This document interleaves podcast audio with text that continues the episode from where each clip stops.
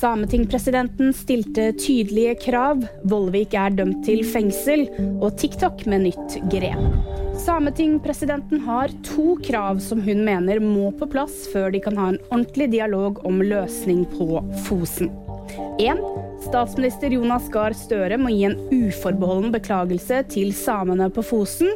Og to, regjeringen må anerkjenne at det foregår et pågående menneskerettighetsbrudd mot samene på Fosen. Tidligere i dag så sa Ella Marie Isaksen at de vil fortsette å demonstrere så lenge det er nødvendig. Og jeg syns de fremstår som relativt eh, dårlige tapere i denne saken, så kanskje de trenger en liten ekstra boost fra folket for å huske at eh, menneskerettighetene går først. Idar Vollvik er i Gulating lagmannsrett dømt til 30 dagers betinget fengsel for munnbindsaken. Han må også betale en bot på 30 000 kroner. Den betingede dommen betyr at han ikke må sone i fengsel.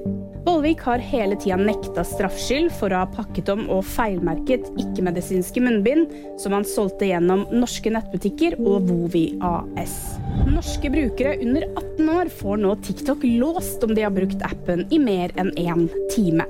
Den nye begrensningen skal hjelpe unge med å kontrollere tida som de bruker på appen. Det melder TikTok. De neste ukene kommer også en påminnelse om å droppe TikTok og heller sove for alle brukere uansett alder. VG-nyhetene fikk du av meg, Ida Aaberg Evensen.